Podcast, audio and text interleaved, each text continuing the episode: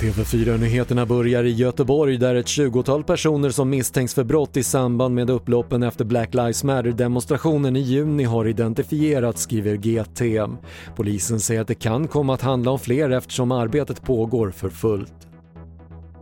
Antalet nyinskrivna covid-19 patienter på intensivvårdsavdelningarna i Sverige fortsätter att minska. Det ligger nu på under 10 personer per dag och som högst var siffran 62 i slutet av april. En man som kom till Nya Zeeland i fredags och dagen därpå fick positivt utslag på ett covid-19-test kommer åtalas för att ha smitit från sin karantän en kort stund. Mannen riskerar ett halvårs fängelse eller böter på motsvarande drygt 24 000 kronor. Och trots coronapandemin har rekordmånga bostadsrätter sålts under juni enligt nya siffror från Svensk Mäklarstatistik. Efter att försäljningen sjönk under maj såldes över 10 000 bostadsrätter förra månaden vilket är 1300 fler än samma månad förra året. Det var det senaste från TV4 Nyheterna. Jag heter Patrik Lindström.